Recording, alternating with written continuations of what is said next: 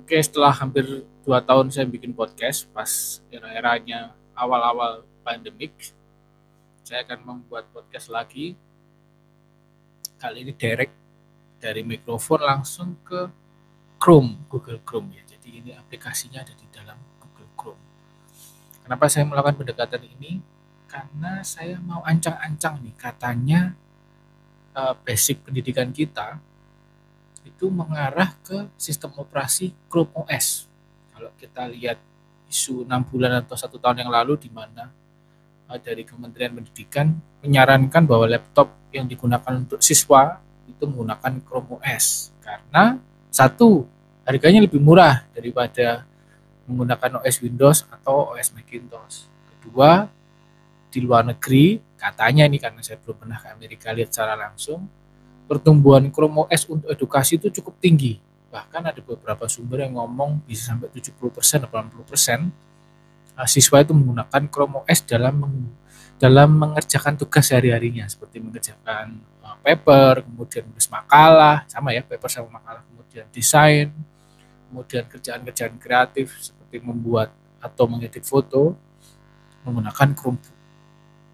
Nah, karena keilmuan saya utamanya ada di audio, saya juga mencoba transisi bagaimana saya menuangkan ide-ide kreatif langsung menggunakan browser Google Chrome yang notabene ini nanti akan sama persis ketika ada di Chrome OS. Workflow-nya loh ya, kalau bentuknya sih mungkin Chrome OS mirip kayak Android. Kira-kira seperti itu.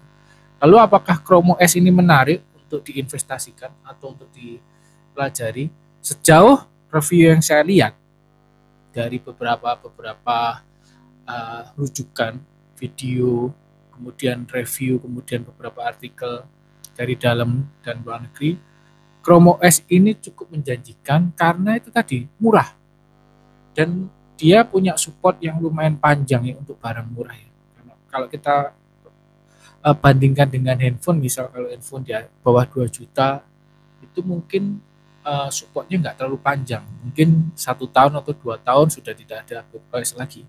Sementara untuk Chrome OS, dengar-dengar dengan harga yang sama, sekitar dua setengah juta sampai 3 juta, dia punya support software yang lumayan panjang, sekitar lima tahun. Jadi enak ini, bisa dipastikan OS-nya tidak akan out of date. Kemudian ini kan sama kayak Android ya. Jadi isu-isu virus dan sebagainya kayaknya nggak terlalu relevan lagi kalau kita ngomongin Android. Walaupun tetap ada celahnya ya celah sekuritas itu. Celah security atau celah keamanan itu. Kok sekuritas sih? Celah keamanan uh, software itu pasti akan selalu ada. Ada beberapa software yang saya pakai langsung dari browser ya. Misalnya yang sering dipakai adalah Anchor ini untuk bikin podcast. Kemudian ada satu lagi BandLab untuk semacam bikin musik di AW gitu. Jadi kita hanya modal browser doang, kemudian kita pakai uh, MIDI controller USB gitu, udah selesai bisa bikin di situ. Dan enaknya lagi kalau bisa dinikmati di Chrome OS, itu otomatis bisa dinikmati di OS lain. Karena kan basicnya mereka kan web browser ya, jadi mirip-mirip kayak uh, Chrome browser kayak gini ini. Jadi kalau bisa dibuka di Chrome OS, kemudian dibuka di Windows, menggunakan browser pasti hasilnya nggak beda jauh gitu. Nah menurutku istilah close platform atau nyebrang sistem operasi itu sekarang sudah tidak jadi isu yang penting. Beda dengan beberapa tahun lalu ketika pendidikan teknologi ilmu komputer masih berbasis Windows terus. Jadi kita masyarakat atau orang tua atau murid selalu di driven produknya Windows terus dari kecil. Tidak ada solusi alternatif lain. Sementara yang kita tahu ketika software itu sudah terbiasa, akhirnya kita ketergantungan dengan fitur-fiturnya. Tidak jarang orang itu susah untuk move on pindah ke software yang lain walaupun fiturnya sama aja misal. Jadi kalau sudah terbiasa ngetik di Microsoft Word ketika pindah ke WPS atau bahkan pakai Google uh, Docs itu nggak terlalu susah sebenarnya. Cuma kadang-kadang orang malas kan udah terbiasa. Dari kecil lagi. Nah ini yang mencoba dijembatani oleh Chrome OS karena Chrome OS ini kan murah. Kalau murah kan enak ya. Apalagi kalau di era pendidikan serba online ini kalau anaknya satu nggak terlalu ngefek.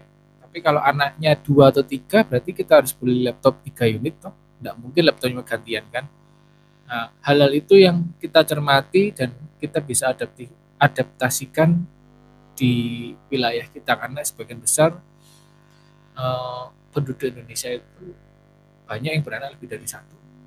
Nah itu akan solusi murah ini akan sangat menarik. Yang jadi penghalang adalah karena kita nggak terbiasa itu satu. Dan Chrome OS ini sendiri umurnya masih 10 tahun walaupun di ranah developing software 10 tahun itu sudah lama loh kalau dibandingkan dengan Microsoft atau macOS ya beda cerita tapi untuk 10 tahun ini dengan pertumbuhan di luar atau di Amerika lah kita sebut Chrome OS ini cukup mendominasi untuk edukasi maka Chrome OS ini akan menjadi menarik untuk disebarluaskan atau untuk diajarkan. Maka saya juga tertarik untuk masuk ke wilayah industri edukasi yang berbasis Chrome OS. Misal untuk studi rekaman, podcast sudah pasti bisa ya karena saya sudah praktek langsung di sini. Di beberapa event seminar saya, saya menemukan bikin podcast itu sudah tidak pakai Audacity tapi langsung di browser, langsung akses anchor.fm seperti ini, kemudian langsung uh, pakai aplikasi di HP, kemudian saya bisa cross platform, saya mau ngerjain di Windows, saya ngerjain di Android, saya ngerjain di browser seperti ini tidak ada masalah. Karena menurutku ini isunya selaras dengan kebebasan kita milih device-nya ya, nggak kayak dulu harus uh, Windows sentris atau Mac sentris itu. Menurutku itu sudah tidak asik lagi. Itu persaingan 10 atau 15 tahun yang lalu. Pilih mana? Lebih keren Windows atau Mac aduh jadul banget ya kalau sudah mantap di satu agama ya udahlah beli itu aja gitu atau kalau nggak mantap ya beli beli dua-duanya itu kan nggak nggak terlalu mahal kalau untuk profesional. Tapi kalau untuk kalangan yang mendang-mending ya susah. Kalangan mendang-mending nggak akan selesai itu. Kira-kira seperti itu. Jadi untuk kalian yang sudah terbiasa dengan Chrome OS kita sharing yuk. Siapa tahu saya ada yang kelewatan ilmunya. Terima kasih sudah mendengarkan podcast Budi Bahasa Dinas Studio.